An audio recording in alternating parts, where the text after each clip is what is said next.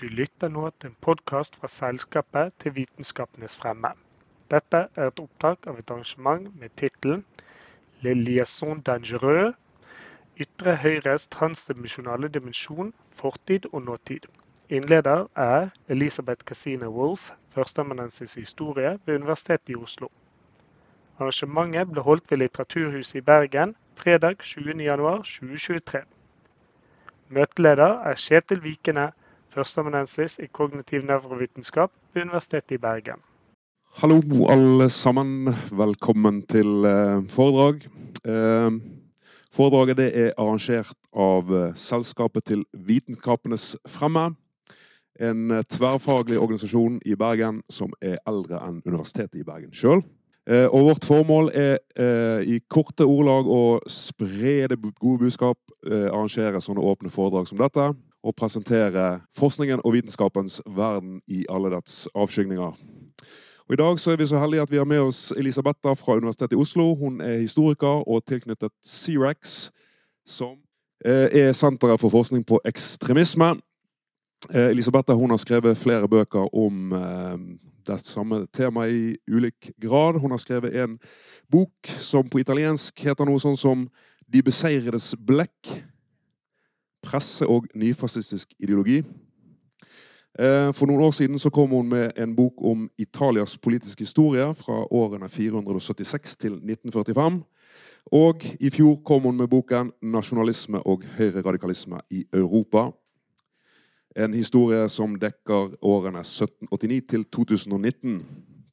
Og den boken er helt eh, fantastisk, er et uh, ganske unikt kunnskapsgrunnlag hvis du skal forstå de overflatefenomenene som foregår i dag med høyere radikalisering og en fremvekstende nasjonalisme i uh, stort sett alle de vestlige land. Uh, jeg skal si litt om den boken. så skal Elisabeth få lov å overta sjøl, men bear with me, som de sier.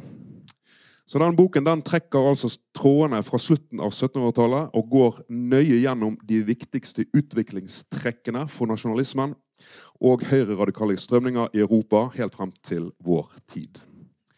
Eh, med mine egne ord så er det en historie om det illiberale Europas historie.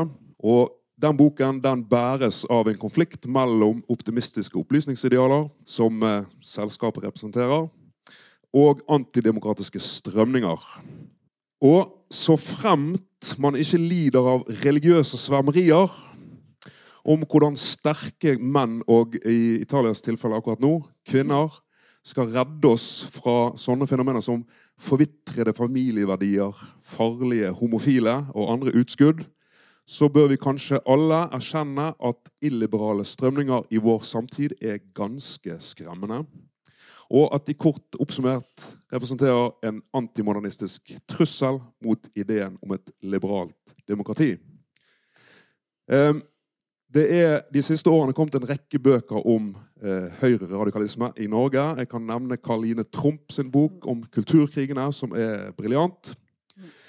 Eh, fra høyresiden i norsk politikk så er det kommet ut to, én eh, bok de siste årene. Og eh, i siste nummer av Minerva kan vi lese en slags bekymring om menneskerettighetene skal ha en så viktig stilling i vårt samfunn som man faktisk har. Ove Vannebo fra Frp, tenker jeg, problematiserer altså om menneskerettighetene skal ha den forrang i dag. En vel så viktig bok, og kanskje enda mer skremmende, det er Janne Haaland Matlari sin litt blåøyde bok 'Demokratiets langsomme død', som jeg oppfatter Elisabetha Elisabetta sin bok som en radikal motvekt til. Det ble en lang innledning, men jeg eh, sier alt at det er fordi at temaet i kveld er viktig.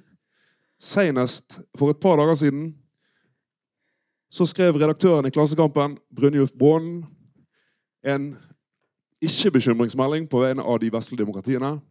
Han mener at de vestlige demokratiene ikke er under press. At vi ikke trenger å være redd for høyreradikalisme. Jeg er ikke så sikker. Så da skal du få lov å overta, Elisabeth.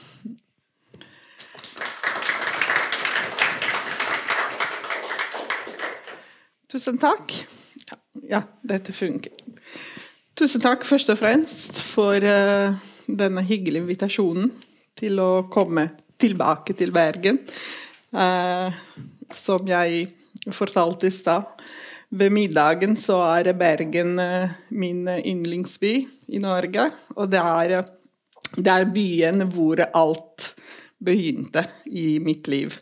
kjærlighet er fra Bergen. Min store, fremdeles min store kjærlighet uh, traff jeg ikke fra, Han er ikke fra Bergen, men jeg traff ham i Bergen. Og ellers min akademiske karriere begynte i Bergen, på Universitetet i Bergen. Så jeg er alltid veldig glad for å komme tilbake. Tusen takk for uh, invitasjonen. Tusen takk for at dere er uh, her.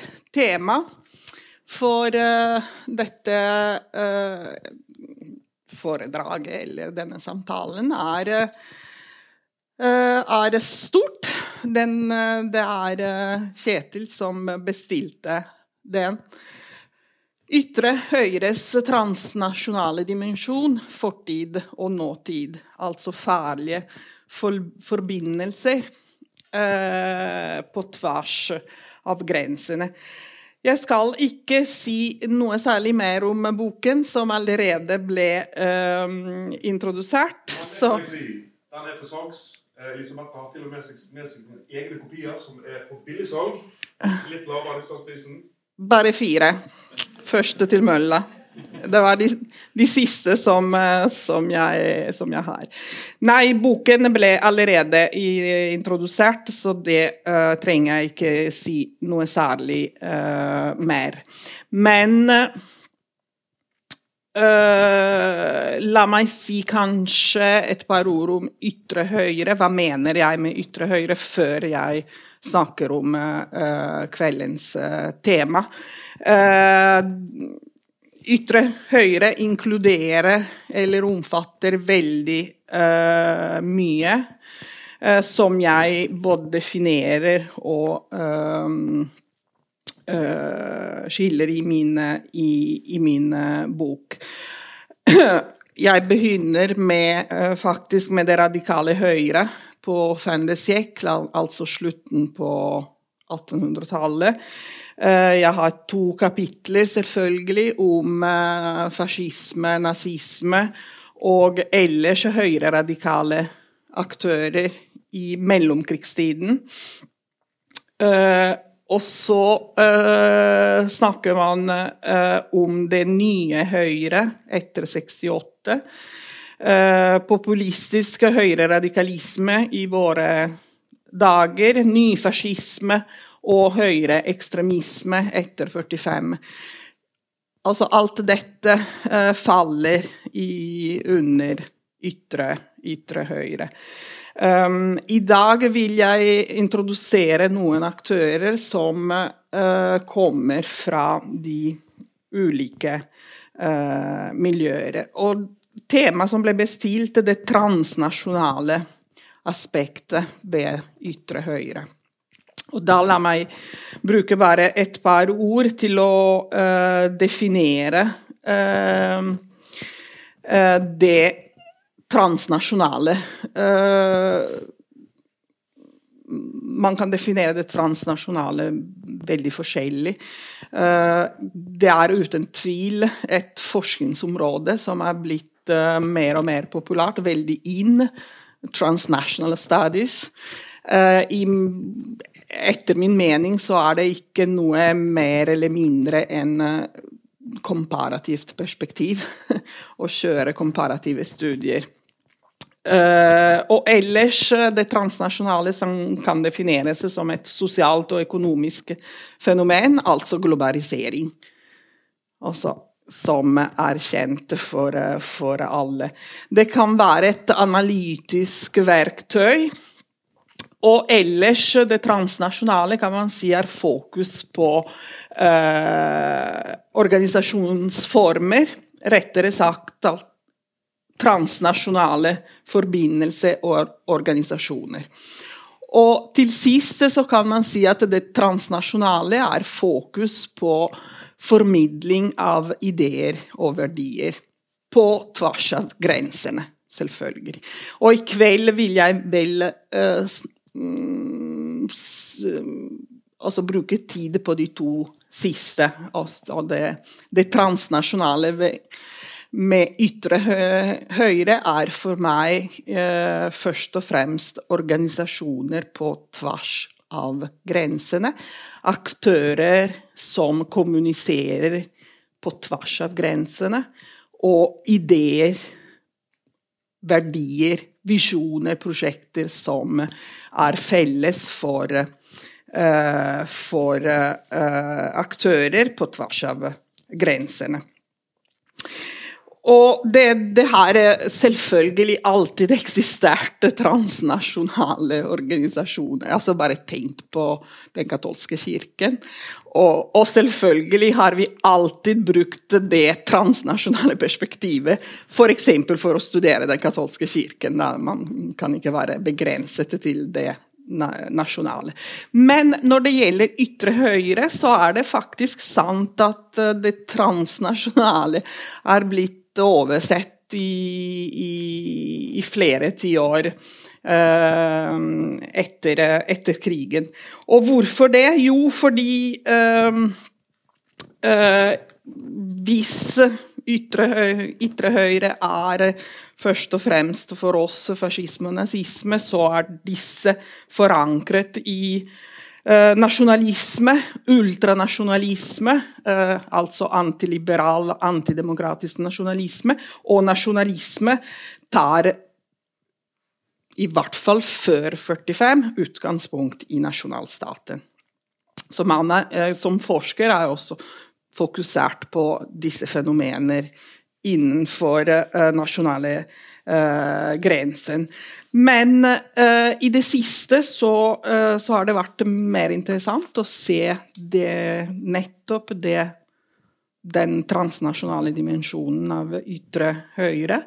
Og man har avslørt faktisk veldig mange interessante, spennende forbindelser mellom uh, ytre høyre-aktører før og etter 45. Og særlig etter 45 Uh, og etter det militære nederlaget hos uh, fascisme og nazisme, uh, så endrer ytre høyre.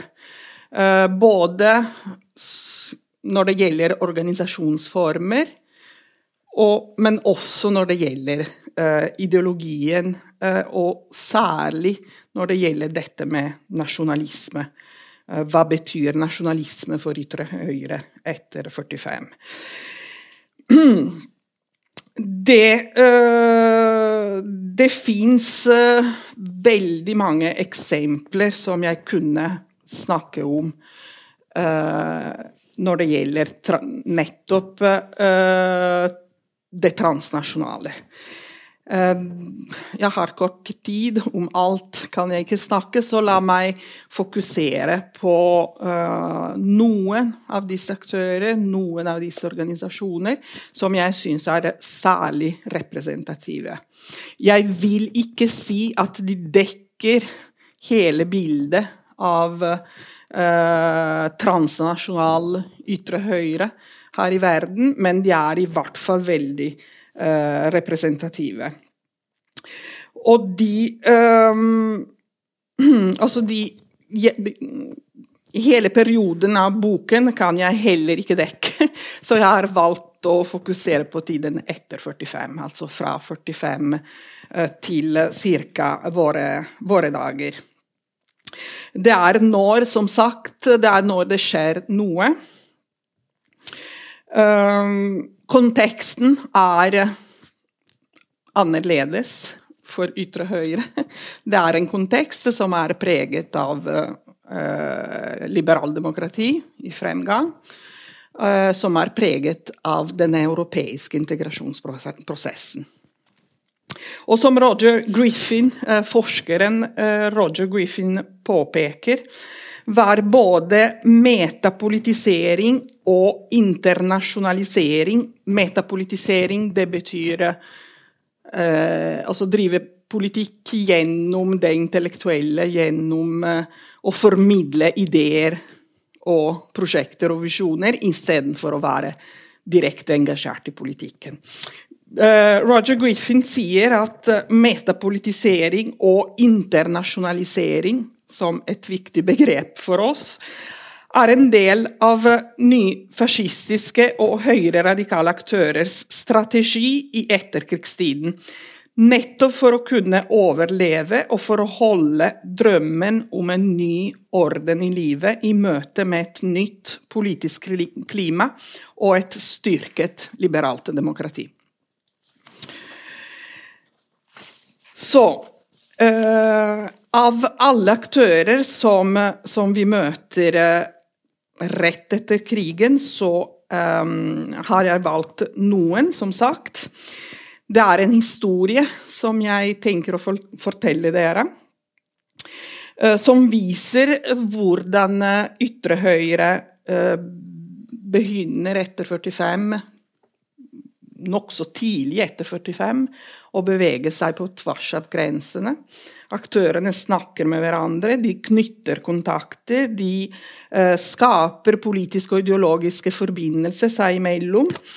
Eh, de oppretter organisasjoner som gjennom eh, ulike prosesser eh, kommer til å påvirke dagens politikk den dag, den dag i dag. Og denne historien eh, begynner nemlig med eh, det den største og viktigste aktøren i Europa for ytre høyre. Altså en ny fascistisk aktør, eh, Movimento Sociale Italiano, som ble opprettet allerede etter krigen, og i 48 kom inn i det italienske parlamentet. Det største og mest la oss si, innflytelsesrike aktøren på ytre høyre uh, etter, etter, krigen. Uh, et parti uh, som jeg trygt definerer nyfascistisk fordi den var direkte koblet til fascisme, opprettet av uh, tidligere uh, støttes, støttespillere av uh, Mussolini under, under krigen, medlemmer uh, i det fascistiske partiet og folk som hadde kjempet ved siden av nazistene uh, under, under, krigen. Dette uh, partiet endrer, endrer navn etter hvert, og som dere ser, lever frem til 90 94 sitter, har sine representanter i parlamentet. Og det er det som jeg kaller den institusjonaliserte nyfascismen. For altså, det er et parti som, som er, blir uh, akseptert uh, og, og, får plass i italiensk politikk. Og det, det er også et parti med, uh, som har ungdomsorganisasjoner og fagforeninger. Ah, hadde både ungdomsorganisasjon og fagforeninger. Vel, um, Innenfor dette partiet så har vi veldig mange figurer. Dette partiet er delt i ulike grener. Det er den største, la oss si, den største delen av partiet er um, både bevisst, men uh, veldig uh, Altså, de vil inn i systemet, de vil bli akseptert, så de kjører en uh, moderat linje, som man kan, man kan, si. Men ikke alle er fornøyde med, med, med, nettopp denne moderate linjen. Så det er en, en liten gruppe som, som er mer radikale Eh, fundamentalister, man kan eh, si, som eh, holder seg 100% lojale til den fascistiske ideen. her møter vi den viktigste ideologen for italiensk nyfascismen, og etter hvert også for europeisk ytre høyre og europeisk nyfascismen. Uh, det, det, er denne filosofen som heter uh, Julio Sevola, eh, en obskur intellektuell eh, i mellomkrigstiden som klarte å overleve krigen og, og, og, være, og ble aktiv senere også etter, etter uh, krigen. I mellomkrigstiden så skrev Evola en bok, 'Revolten', eller 'Oppgjør mot den moderne verden' i 34, som var egentlig mer eller, mer eller mindre kopiert fra andre, eh, andre verk. Og der møter vi allerede det transnasjonale aspektet.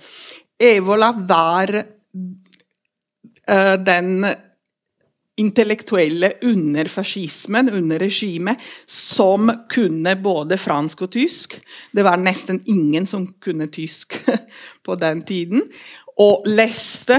Uh, han var rik av familie, så leste veldig mye og formidlet, oversatt for så vidt også, veldig mye fra uh, Tyskland og, og, Frankrike. Han var særlig opptatt av det som heter den konservative revolusjonen, altså et miljø i uh, Tyskland som støttet Hitler, uten å være nazister, men de støttet Hitler.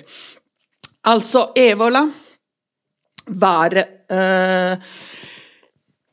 representant for en uh, tankeretning eller en filosofi som man kan definere som tradisjon. uh, opptatt av tradisjonelle verdier, som dere kan lese selv på sliden.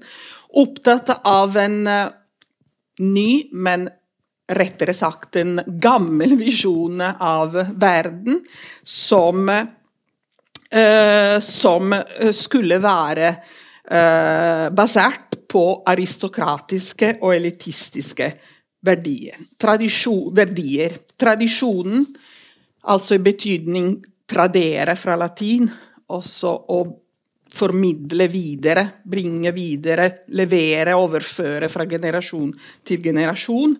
Tradisjonen var dette. Det var autoritet, hierarki, disiplin, orden osv. osv. Han hadde en idé om imperium, makt til kommando.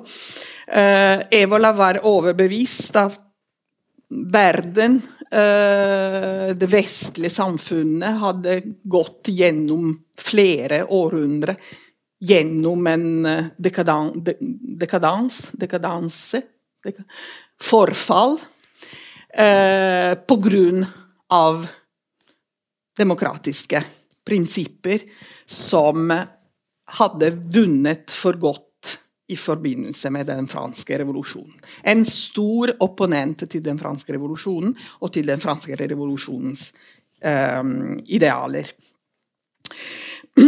I på 30-tallet var Evola eh, også eh, representant for italiensk rasisme. Altså han skrev omfattende om, eh, om rasisme.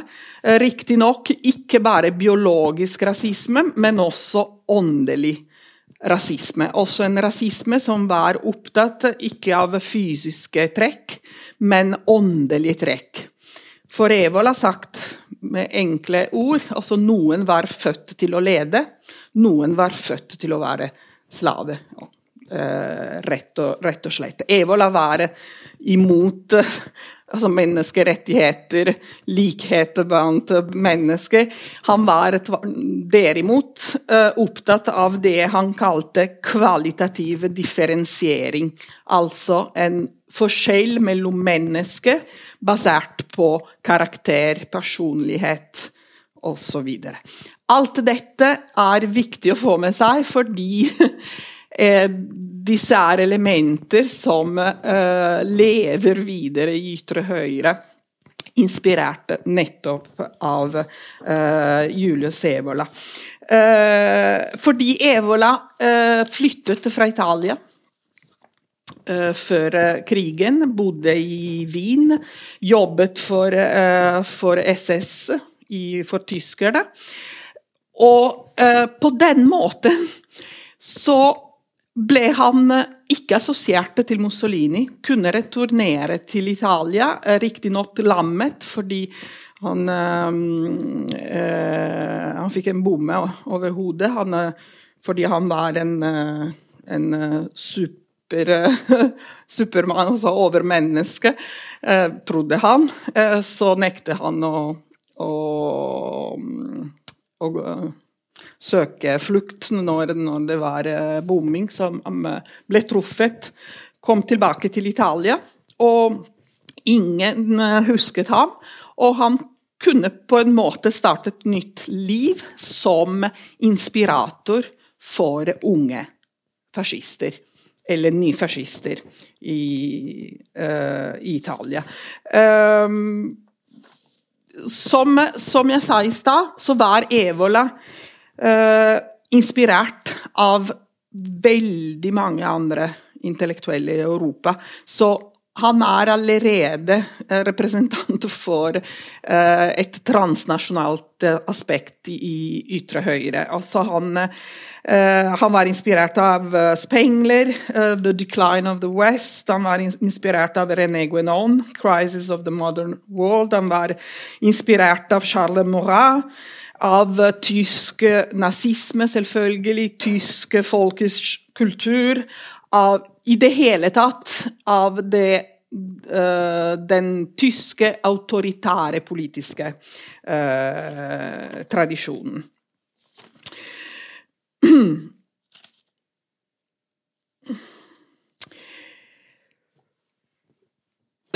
Han blir i etterkrigstiden uh, mentor og inspirator, lærer for eh, en liten gruppe av eh, italienske nyfascister som tror på hans visjon av livet og uh, verden. De identifiserer seg med disse legionærer han snakker om, med disse tempelriddere han snakker om det er de som ikke vil forlate uh, fascisme. De vil ikke uh, svikte, som de sier, uh, fascisme. De samler seg rundt, rundt Evola. Dette er Uh, en av de første setningene man leser i en liten bok skrevet av Evola i 1950, som ble på en måte en slags bibel, uh, guidelines, altså retningslinjer, orientamenti for, uh, for unge ny, ny fascister. Og bare Jeg trenger ikke å si noe særlig mer enn å vise dette sitatet. Uh, 1950.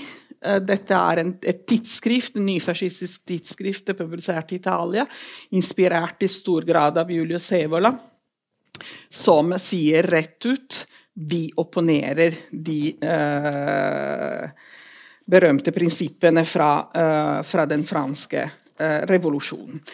Vel, når dette er sagt, så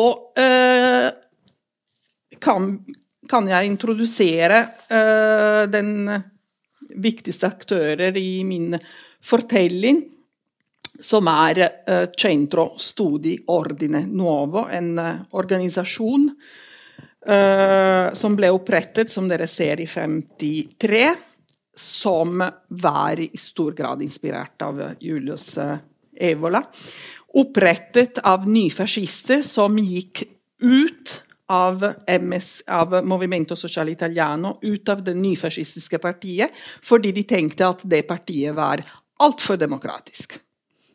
Altfor moderat, altfor demokratisk. De ville uh, De skulle holde fast med den fascistiske uh, ideologien. Her er det noen bilder, og uh, hovedpersonen Pino Rauti som døde bare for eh, noen eh, år siden. Hvorfor er Centro Studi Ordine Nuovo så relevant i min, i min fortelling. Det er en, dette er en la oss si, studie, sentrostudie, altså studiesenter. De driver med metapolitikk. De driver med konferanser, seminarer, møter. De tilsynelatende ikke er interessert i aktiv politikk. men det er viktig veldig viktig fordi de formidler Evosa, Evolas lære um, i etterkrigstiden. Uh, de har en uh, såkalt metapolitisk funksjon, uh, det som Roger Griffin definerer veldig treffende som gramscismo di destra, altså høyreorienterte gramscisme. Altså, de vil gjøre som Gramsci hadde lært til venstresiden. Uh, først en kulturell revolusjon, og så kan vi vinne i politikken. Altså vi må endre kulturen, mentaliteten i samfunnet først, og så kan vi vinne i politikken. Og dette er mm, Tenk, dette ble sagt og la oss si uh, tenkt på 50-tallet. Og, og nå, nå, har vi faktisk høyre radikale partier som sitter i parlamentet i veldig i flere europeiske land. De hadde en visjon, disse nyfascister, uh, på, på 50-tallet. Uh, eh, det andre relevant som har å gjøre med nettopp det transnasjonale dimensjonen av ytre høyre. Uh, formidling av ideer.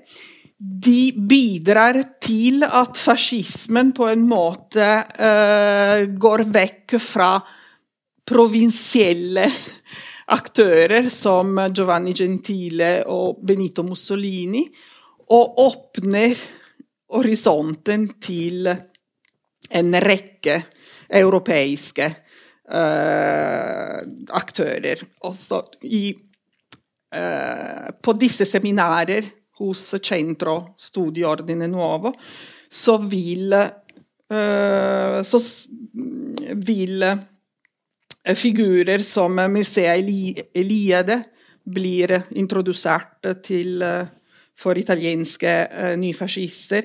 Ezra Pound, Knut Hamsun, ikke minst, som var helt ukjent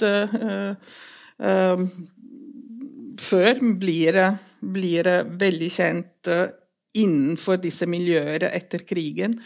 De Uh, de introduserer uh, også franske høyreradikale forfattere som Céline, som Dreux La Rochelle, Robert Brasillac, uh, Charles Morat. Eh, de introduserer også tyske, um, tyske forfattere, tyske ideologer. Spengler, Carl Smith, uh, von Solomon, Junger osv. Blant annet Alfred Rosenberg, som er en nazistisk ideolog. Uh, men også politiske aktører, som var nokså ukjente for unge italienske eh, nyfascister, eh, som Codreano, fascistisk leder i eh, Romania, som Vidkun Quisling, fascistisk leder i Norge, som Leon de Grelle, fascistisk leder i Belgia. Altså, det er litt av en jobb som Centro Studio Ordine Nuovo gjør på 50-tallet i Italia. Gjøre uh, la oss si, et fascistisk univers kjent for de neste generasjonene. De øh, revitaliserer den fascistiske myten. Og denne myten er vel koblet til ideen om en revolusjon, voldelig revolusjon, for å realisere den nye orden inspirert av selvfølgelig Hitlers uh, ny uh, orden. Og de, um, de, bruker symboler som er helt åpent koblet til nazisme. Ikke bare fascisme, men nazisme. symboler knyttet til f.eks. SS-soldatene. Altså det, om dette har jeg skrevet en vitenskapelig artikkel, så hvis noen vil utdype, så Jeg har dessverre ikke tid til å si så veldig mye. Men det Ordine Novo gjør, er ikke minst å legitimere voldsbruken i eh, politikken. Bare et par sitater. Dere kan lese selv, så drikker jeg litt og tar en liten pause.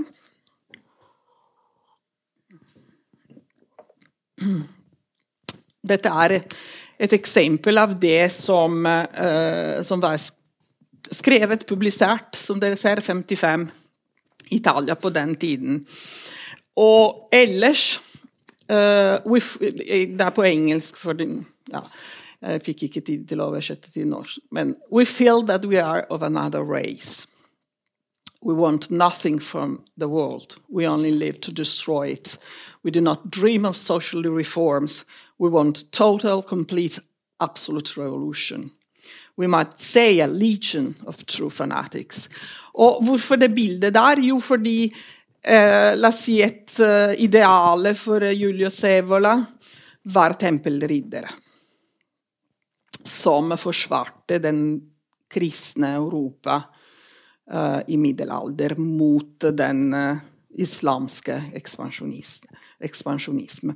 Og hvorfor forteller jeg dette? Jo, fordi, som dere kanskje husker, så sa Breivik i retten at han var en av de siste tempelriddere som skulle forsvare Europa.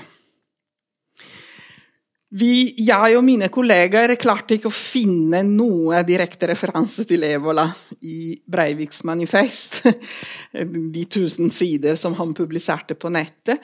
Men vi fant veldig mange referanser til bøker som er inspirert av Julius Evola.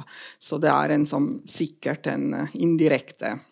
Og som dere alle vet, så klarte Breivik å radikalisere seg i fengselet, slik at uh, han nå erklærer at han er ikke bare tempelridder, men den moderne tempelridderen, men han er også representant fra SS for nazismen i, i Europa videre.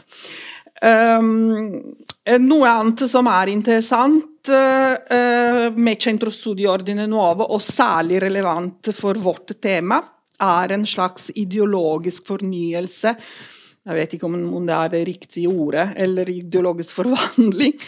Um, altså en justering av den fascistiske ideologien, fordi konteksten tross alt var annerledes. Uh, altså vi befinner oss i et Europa som er liberalt, demokratisk, og uh, ikke i det samme Europa fra mellomkrigstiden. Uh, det ene er satsing på paneuropeiske ultranasjonalisme. Og dette er helt sentralt for, vår, for uh, vårt tema, altså det transnasjonale. Eh, nasjonalisme innenfor nyfascisme på 50-tallet får en ny betydning. Det er ikke lenger nasjonalismen koblet til nasjonalstaten men det er en nasjonalisme som, som, er, forang, som er, basert på en idé uh, av et La oss si et ideelt land eller ideelt univers uh, som følger tradisjonen. Som følger prinsippene av tradisjonen. Altså, tenk på disse nye fascister som er uh, demonisert, kriminalisert, de er eh, utstøtt. De, uh, det er ingen som vil snakke med dem. Det blir slåsskamp i gatene mellom nyfascister og kommunister um, på 50-tallet, 60-tallet i Italia. De, um, de, har ikke noe særlig uh, tilknytning til sitt eget land, men de finner likesinnede overalt i Europa. Så Altså, Centro Studio Nuova er virkelig starten på den transnasjonale dimensjonen i fascismen i, mm, i Europa.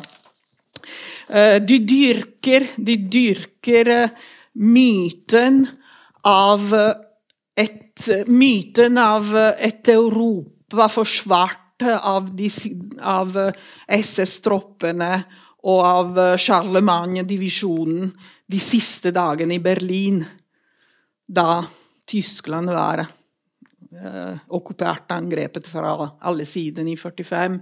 Disse nyfascister de har sine helter, og disse helter er de europeiske frivillige unge som reiste til Berlin for å forsvare Hitler.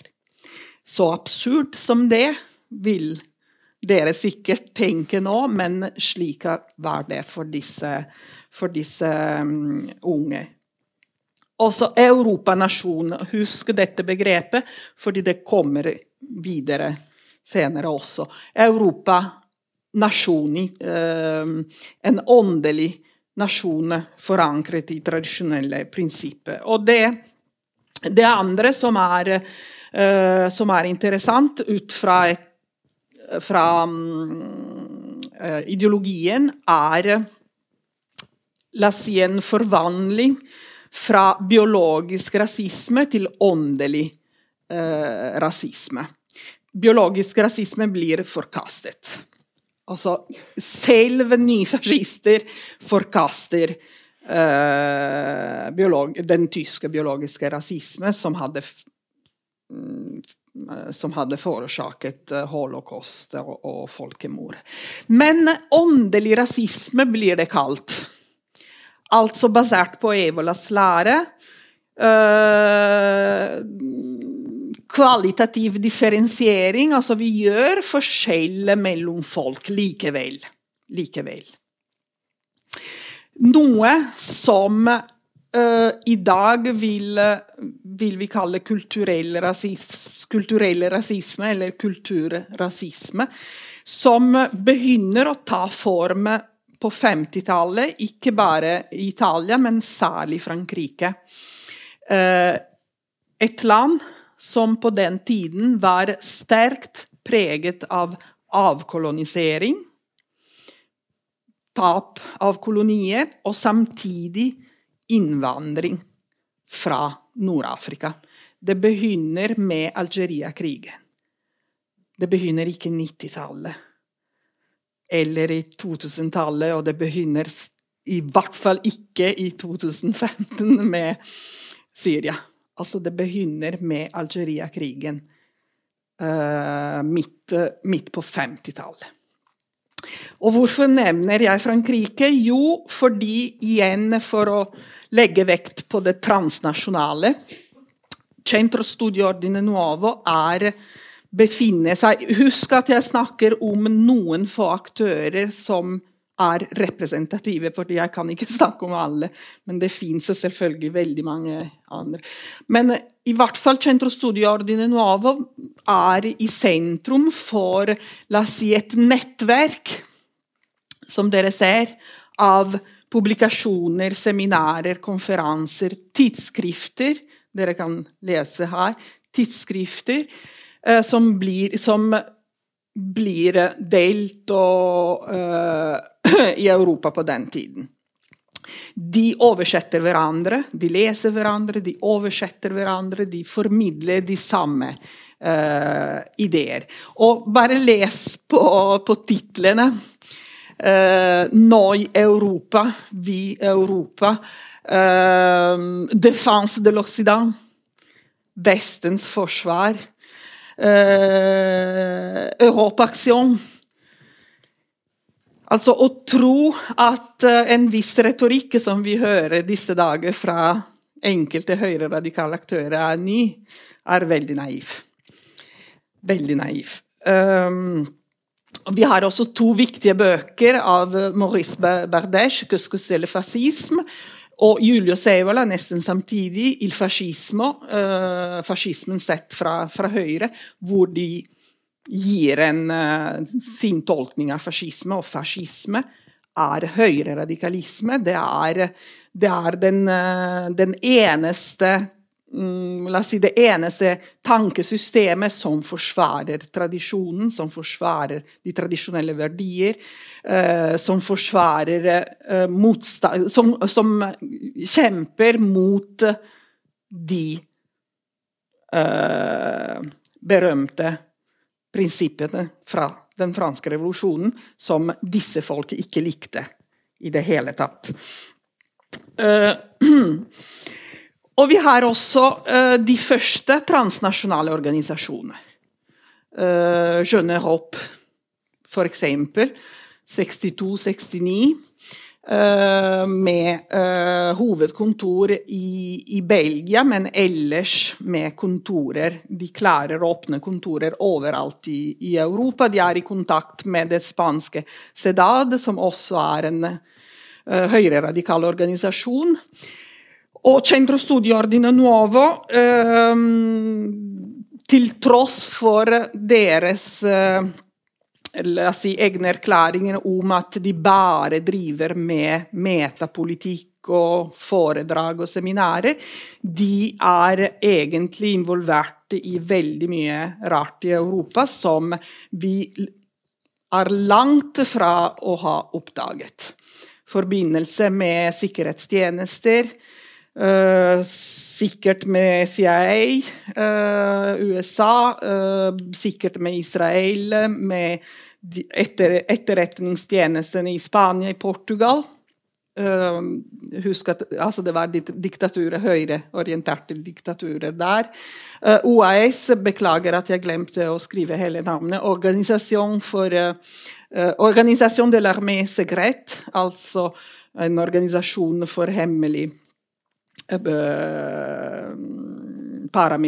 en paramilitær organisasjon i, i Frankrike som kjempet nettopp mot uh, selvstendigheten til, uh, til uh, Algerie. Altså, ja Her ligger røttene til, det, til, den transnasjonale dimensjonen til ytre høyre. Og så skjer det Så kommer 69. Først er 68 også viktig. Uh, studentenes revolusjon i 68, men så 69. 69 er viktig i min fortelling. Jeg kunne ha valgt veldig mange andre datoer, men la meg velge 69. Det er viktig fordi uh, det nyfascistiske partiet får en ny leder i Italia, Giorgio Mirante, som er um, en enda i større grad opptatt av å bli legitimert i italiensk politikk. Så han velger en uh, moderat uh, linje etter, uh, etter, 69. Men 69 er viktig også for bombeattentatet i Piazza Fontana, som åpner for, som dere vet, høyreorienterte terrorisme i Italia. Uh, terrorisme i Italia var, som dere vet, ikke bare uh, ikke bare i regi av Røde brigader, men i stor grad, sannsynligvis i større grad, i regi av uh, høyreorienterte aktører. Så hva skjer etter 69? Jeg, eh, altså det er vanskelig å komprimere eh, flere tiår. Og, og det er vanvittig mye som skjer på ytre høyre uh, i Italia og i Europa på den tiden. Så jeg, jeg, måtte tenke mye uh, på dette i forbindelse med tema som ble bestilt, det transnasjonale. Jeg tror tre aspekter er viktige her. På den ene siden så har vi den nasjonale konteksten i Italia. Og som jeg allerede har eh, sagt, også et parti, et nyfascistisk parti, som modererer seg og endrer eh, og, og avradikaliserer seg. Så har vi eh, på den andre siden radikalisering av uten, utenomparlamentariske aktører som som er som blir sentrale i når det gjelder terroristiske aksjoner mellom 69 og 98 i Italia. Og til slutt har vi også uh, en rekke intellektuelle som, som fortsetter med den metapolitiske funksjonen som Centro Studio Ordine Nuovo eh, hadde eh, frem til 69. Fordi i 69 så går Pino Rauti tilbake til MSI. Vi vet e-, egentlig ikke hvorfor, men han uh, stenger Centro Studio Ordine Nuovo høsten 69, mm, ca. to måneder før Piazza Fontana. Han stenger Ordine Nuovo, og han går tilbake til MSI og sørger for å bli valgt til parlament like etter. Så får han eh, også beskyttelse som parlamentariker og kan ikke bli eh, etterforsket for involvering i terrorisme. Uh, ja, så hvis, hvis vi følger en linje Uh, hvis vi følger Pino Rauti, så fra Movimento Sociale, uh, Movimento Sociale Italiano så kommer vi til Alleanza Nazionale. Moderat, liberal Ikke liberalt, men nasjonalkonservativt parti. Uh, stiftet i 95 frem til 2008. Pino Rauti likte ikke den prosessen og stiftet selv et nytt nyfascistisk parti, Fiamma eh, Tricolore. Fra Alleanza Nazionale så eh, kommer vi til eh, Berlusconis parti. Og det er her vi eh, møter eh, dagens eh, statsminister i Italia, Giorgia Meloni. Italias brødre ble stiftet i 2012.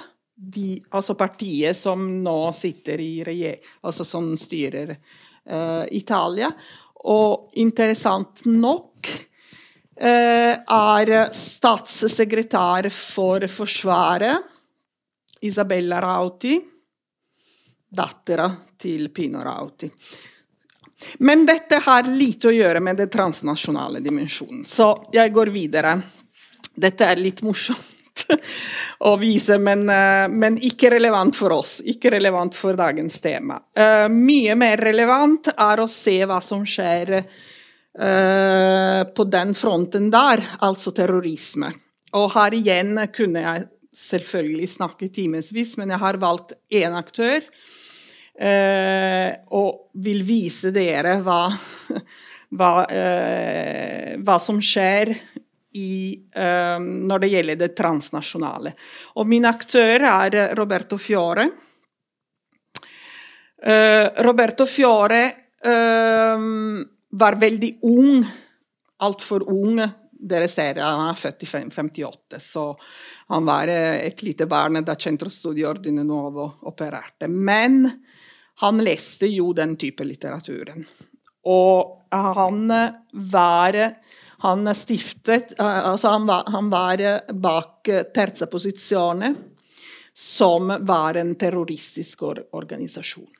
I, altså Terza Posizione er representativt for de nyfascistiske, høyreekstreme organisasjoner som sto bak terrorisme i Italia på, på 70- og 80-tallet.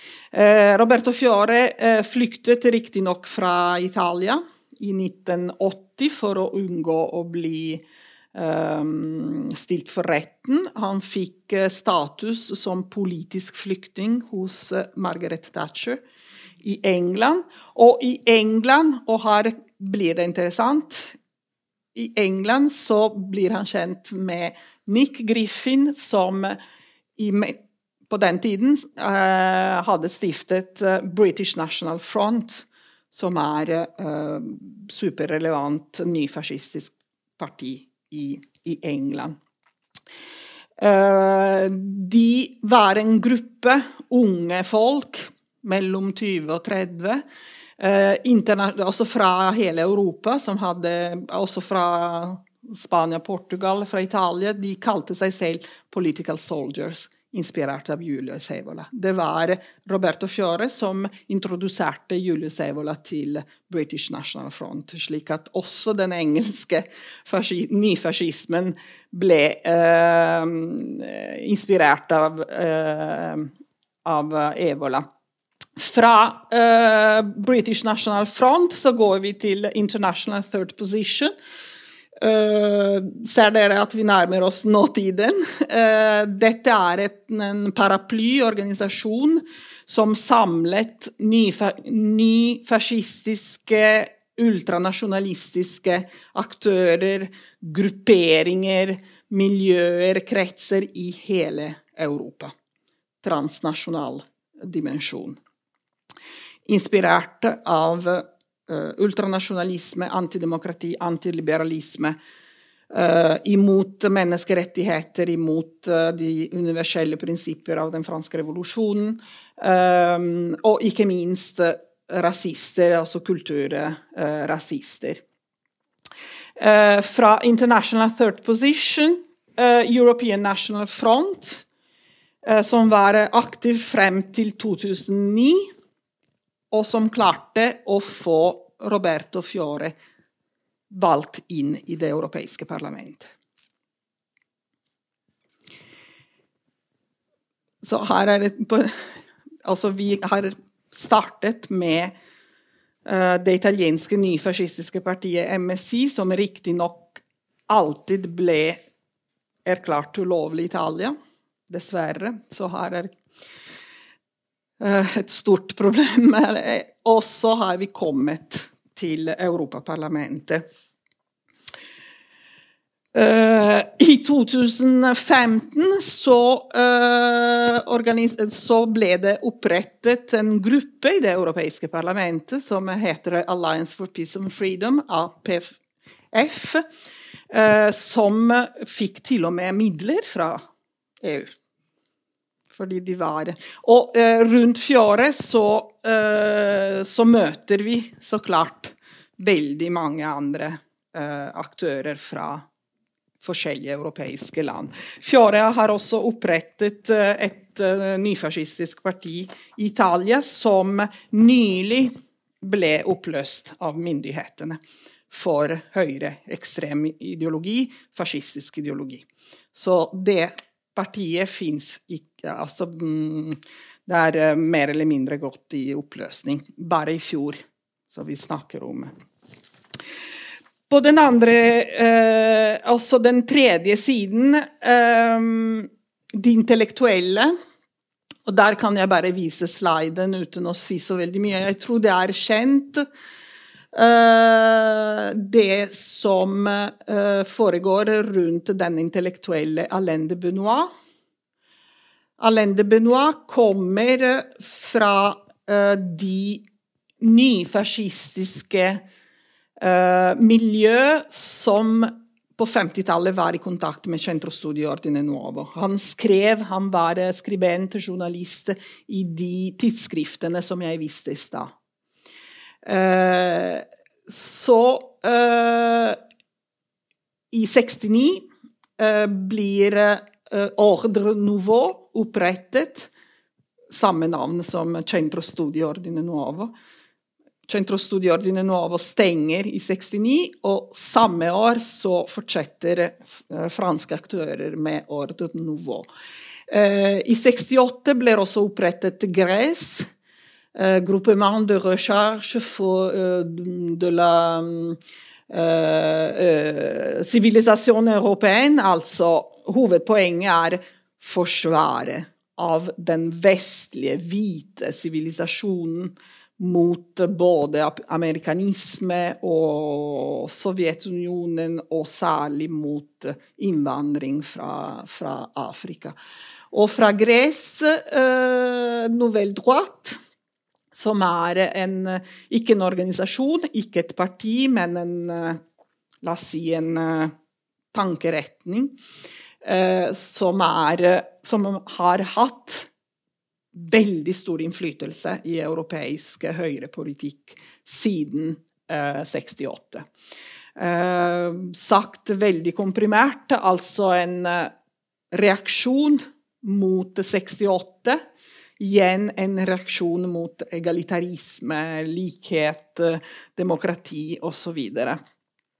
Og Nouvelle Droite har, øh, har, også klart å opprette, tran, å opprette transnasjonale øh, organisasjoner, som f.eks. European New Rights, som har partier. De har etter hvert også opprettet partier i i Europa. Uh, identitær bevegelse, som dere kanskje har lest om i avisen, Les Identitaires, de er inspirert av novelle, novelle droite. Uh, jeg trenger ikke å si at uh, en viktig ideolog for Alain de Benoit er Julius Evola. De og ellers eh, har dere sikkert hørt om alt-right-bevegelse, eh, ledet av eh, Spencer i USA. Igjen inspirert av Novelle, Novelle Droite. Det er uh, man uh, kan lese Altså det er innenfor Novelle Droite-kretser tidsskrifter, seminarer, konferanser osv. osv. At man lærer om differensialisme på fransk, altså differensialisme på, på norsk. Altså sagt litt mer som vitenskapelig kulturell etnopluralisme, som ikke er, er ikke noe annet enn uh, kulturell rasisme. Altså tanken om at eh, det er helt legitimt at det er forskjellige folk. Så mm, det er et, en eh, La oss si eh, en endring i forhold til nazisme i mellomkrigstiden. Det er greit at det er forskjellige folk. og de har rett til sin identitet og sin kultur, men de skal jammen leve atskilt. Integrasjon er ikke mulig. Vi kan ikke integrere nordafrikanere i Frankrike, sier Alain de Benoit. Altså, på 70-tallet gikk han så langt til å foreslå at man skulle kaste ut alle nordafrikanere fra Frankrike. Så det vi hører nå, som kommer fra enkelte aktører i Danmark eller eh, i Sverige for den saks skyld, og, eller i Tyskland, det er ikke noe nytt. Altså, Alain de Benoit var uh, veldig eh, mm, populær innenfor disse kretser allerede på 70-tallet og 80-tallet. altså det gjelder eh, på vitenskapelig språk ekskluderende etnisk nasjonalisme, som egentlig er basert på den type nasjonalisme som Hitler sto for. Altså ekskludere visse eh, minoriteter og, og så videre. Uh, og selvfølgelig en tro på den vestlige, hvite sivilisasjonens overlegenhet uh, overfor andre eh, sivilisasjoner. Og hvorfor basert på hvilke kriterier vel innenfor Nouvelle droite viser at den vestlige sivilisasjonen er de facto overlegen teknologisk. Skal alltid være overlegen teknologisk. Altså for dem er det vel et faktum. Så til slutt så skaper man en, en, en verden som er hierarkisk konstruert. Der igjen noen er født til å lede, og noen er født til å jobbe som slaver i kongos uh, uh, arbeidssteder. Ja, det Jeg tror jeg uh, stopper her. Uh, kan uh, Ja, bare Jeg stopper her. Vi kan kanskje i debatten si eh, noen ekstra ord om hva som skjer akkurat eh, nå, disse, disse dager. Men jeg, jeg, tror jeg har sagt mye. Tusen takk for oppmerksomheten så langt.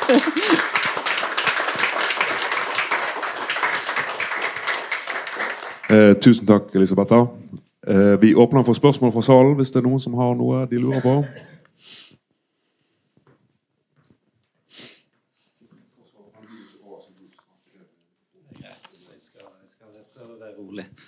Um, jo, takk for et, et, et fryktelig interessant uh, foredrag.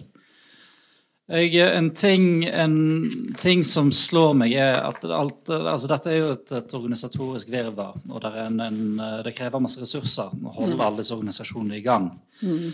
Jeg, jeg, lurte på om du kunne si, Det første jeg lurte på, var om du kunne si en ting om, om hvor disse ressursene kommer fra.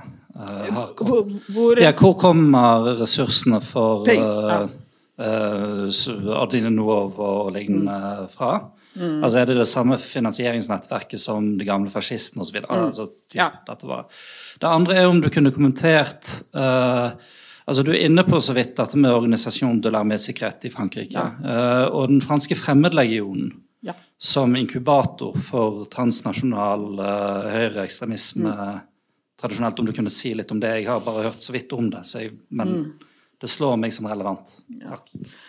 Ja, når det gjelder ressurser, eh, altså det er et interessant spørsmål. Og det er gjort så lite på forskningsfronten at det er eh, eh både latterlig og skamfullt, syns jeg. Og hvorfor er det blitt gjort lite? Jo, fordi det er et veldig betent tema. Hvor kommer ressursene fra? Hvorfor er det et betent tema? Jo, fordi sannsynligvis kom veldig mange ressurser fra amerikanerne i etterkrigstiden. I hvert fall når det gjelder Pino Rauti og Centro Studio Ordine Nuovo, så kan, kan, vi ikke utelukke at han var finansiert av amerikansk etterretningstjeneste. Centro Studi Ordine Nuovo like mye som eh, MSI ble tolerert av den italienske regjeringen, eh, Kristeligdemokratene, som satt ved makten med åpenbart beskyttelse uh, fra USA, fordi Italia var, som dere vet, den sørlige flanken av Nato. Akkurat som Norge var den nordlige flanken av, av Nato. Så når det gjelder 50-tallet, så uh, Jeg vet ikke om du er fornøyd med svaret, men jeg tror at veldig mye ligger der også. Og det gjelder igjen jeg ville uh, understreke at jeg snakker om én aktør, men vi kunne også snakke om spanske uh, høyre radikale på 50-tallet portugisisk, og der var amerikansk etterretningstjeneste også veldig aktiv. Um, I dag så er det et annet bilde, uh, selvfølgelig. Uh, og da kan vi se et bilde som jeg ikke uh, har vist. Og, altså, I dag er det en annen verden, og i dag så kan man formidle sine ideer gjennom internett. Man trenger ikke så veldig mange penger. Uh, hvis man tenker, tenker, på dagens transnasjonale aktører, som f.eks. den nordiske motstandsbevegelse, Les, uh, les Identitaires, uh, Stop Islamization of Europe de, de opererer stort sett på nettet og som koster relativt uh, lite. Så dette er, la oss si, en uh, voldsom utvikling uh, av ytre høyre. Høyre radikal høyre, høyreekstrem høyre. Altså her Les identitaires, for å nevne mine definisjoner altså Les identitaires vil jeg plassere innenfor høyere radikalisme, fordi de bruker ikke vold, og de legitimerer ikke vold. Den nordiske motstandsbevegelse, som dere kjenner godt, den vil jeg plassere godt innenfor høyreekstremisme, fordi de legitimerer vold. Altså de ble også de drepte også folk, rett og slett. I, er det i Finland? I Finland er det blitt forbudt fordi pga. Bruk, av, bruk av vold. Men disse de trenger ikke så veldig masse penger. Og andre ressurser, vel, de kommer Dagens ytre høyre er også karakterisert av globalisering, og så har blitt global. Og pengene eh, kommer både fra USA og Russland, for å si det sånn. Dette er et tema i seg selv. Og, uh, men um, altså, i Italia så er det veldig altså, i, i, disse dager så er det etterforskning rundt eh, finans, finansiell støtte til ytre høyre aktører fra Putin, fra Russland. Og ellers så har vi, har vi hatt uh, store arrangementer i Italia. Internasjonale arrangementer med deltakelse fra Så det er bare tilfeldig at de finner sted i Italia, men de har uh, deltakelse fra hele Europa. De har blitt i stor grad finansiert av ultrakonservative, høyreradikale, ultrakatolske organisa amerikanske organisasjoner. Uh, interessant nok eh, så har disse arrangementer som eh, som er jo politiske. Altså de, de ja, de er politiske. Tidligere så fant de sted i Øst-Europa, altså mellom 89 og 2018 så fant de sted i Øst-Europa, hvor ytre høyre er i fremgang som reaksjoner mot uh, tidligere kommunisme.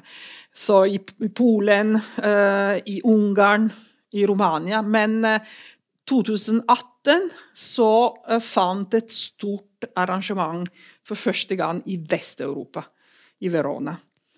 Og der kom penger også fra USA. Um, han hadde et kort spørsmål til om uh, Fremmedlegionen.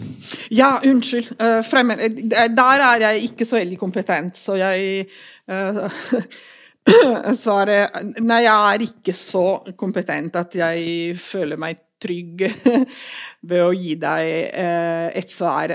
Også det um, Organisasjon de l'Armée Secret Ja, jeg, jeg vet at Uh, Centro Sudiordino Nuovo hadde forbindelse med, eh, med den paramilitære franske organisasjonen.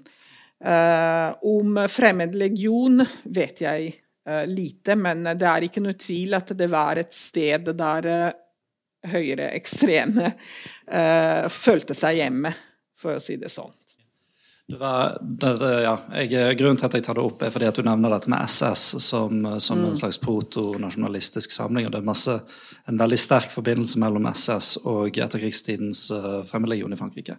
Men det er, altså, det er helt annen uh, Nei, jeg leser gjerne Jobber du med, med dette? Det Nei, Nei, det er bare, bare det er tilfeldig, tilfeldig ja. at jeg kan noe om det. Ja, ja.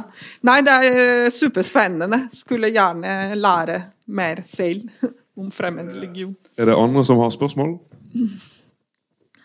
Nei, da har jeg et spørsmål. Kanskje to.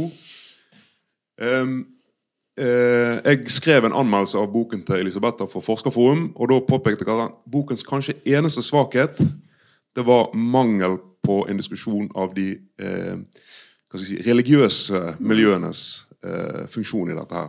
Og Du har flere ganger i løpet av presentasjonen snakket om den katolske kirken. Mm.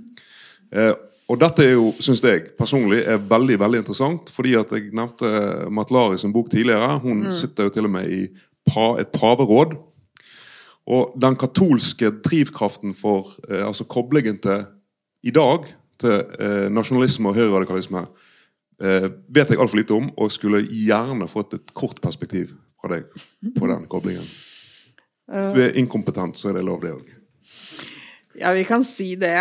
det er, jeg er ikke så kompetent uh, det er kanskje derfor jeg holdt uh, Den katolske kirke utenfor. Men um, jeg tenkte på det fordi jeg fikk denne kommentaren fra, fra flere. Altså, det er ikke, ikke, noe tvil om at katolisisme er en del av dette bildet. de nyfascistiske aktører som jeg introduserte for dere, de refererer til den katolske katolske kirken. Riktignok den delen av den katolske kirken som er mest konservativ, fundamentalistisk, altså prekonsil, altså den katolske kirken før Vatikankonsilet i 64 Ja, 62-64. Den katolske kirken er, la, la oss si, enorm, og det ville være altfor overfladisk å snakke om den katolske kirke som pådriver eller inspirator eller ideologisk uh, inspirator for uh, ytre høyre. Vi har også den, den, demokratiske siden av den katolske kirken. Men hvorfor vi, skrev jeg ikke så veldig mye om den katolske kirke? Fordi boken handler om politiske aktører og handler om ideologien. Og ikke om religion. Så denne, dette, altså, dette temaet fortjener en bok Uh, hvis noen føler seg kallet, så er det bare å Ja, hvis noen vil samarbeide med meg, men, men, da trenger jeg noen som virkelig er kompetent. Og som Antler, hun er kompetent, Vel, de kompetente om den katolske kirke. Hun, sitter i, hun sitter i rådet, som du sier, i Vatikanet. Jeg har, jeg har ikke den, den uh, kompetansen der. Jeg tviler vel på at hun ville vært med på prosjektet. Eh, også en siste observasjon, så kan vi gi oss. Eh, hvis jeg skal trekke ut én essens som jeg syns var kanskje det mest spennende uh, innsikten som jeg fikk av boken din, det var det at høyreradikalisme og nasjonalisme det er et middelklassefenomen. Det er ikke et arbeiderklassefenomen. Arbeiderklassen er fienden. Eh, og det ser jo vi kanskje òg, at det gjennomsyrer vår tid. At det er ganske høyt utdannede folk som driver spesielt med denne metapolitiseringen. Mm. At de vet veldig godt hva de gjør. Så Jeg vet ikke om du har lyst til å si noe om det?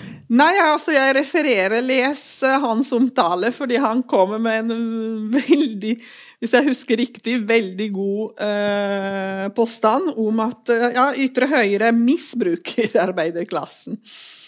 Altså arbeiderklassen blir rett og slett lurt av eh, ytre høyres politiske prosjekter og visjoner og så, og så videre. Uh, jeg nevner bare sånn velferdssjåvinisme. Uh, proteksjonisme uh, hos ytre høyre betyr i grunn og bunn å også ekskludere minoriteter, ekskludere innvandrerne fra velferdsyter. dette dessverre eh, blir kjøpt av eh, arbeiderklasse i krisetider.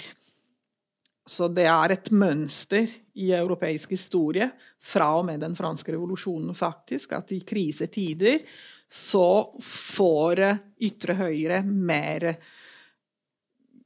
hva, hva, heter det på norsk? Gehør? Gehør? Ja. Um, hos arbeider, eh, arbeiderklassen. Men eh, ja, det stemmer. Det, det er middelklassen som er eh, egentlig den viktige pådriver her. Det er igjen en middelklasse som i krisetider føler seg Føler angst, er engstelig. Engstelig for deklassering, engstelig for tap av status. Ehm, får eh, økonomisk eh, nedgang.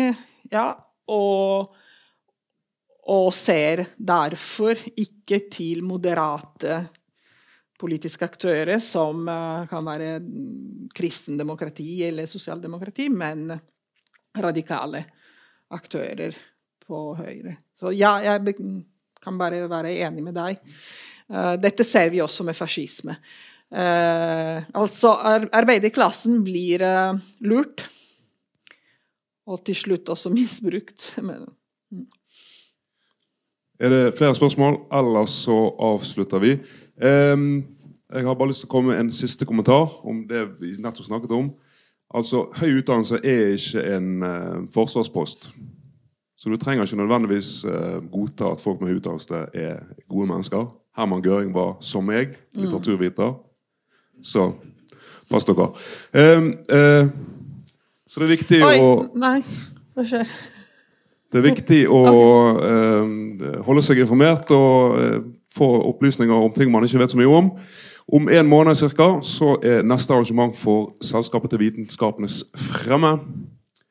Wow. Eh, da kommer to av Norges eh, beste forskere på eh, innen nevrovitenskap, eh, Clive Brahaman fra Biomedisinsk institutt her i Bergen, som forsker på cellulære mekanismer i eh, nervecellene våre, og Kenneth Tudal da til høyre, som har perspektivet Han er biologisk psykolog, så han har perspektivet på hjernefunksjon fra toppen og ned. Og de to skal uh, forklare oss uh, alt. Kanskje til og med meningen med livet. Ja. Det foregår på Kafé Kristi oppe på Naturhistorisk museum den 15. februar. Og som arrangement i dag er det gratis, så det er bare å møte opp. Ok, Takk for i dag. Du har nå lyttet til en podkast fra Selskapet til Vitenskapenes fremme. Ansvarlig for podkasten er Ingjerd Pilskog, førsteamanuensis i naturfag ved Høgskolen på Vestlandet. Styremedlem i selskapet.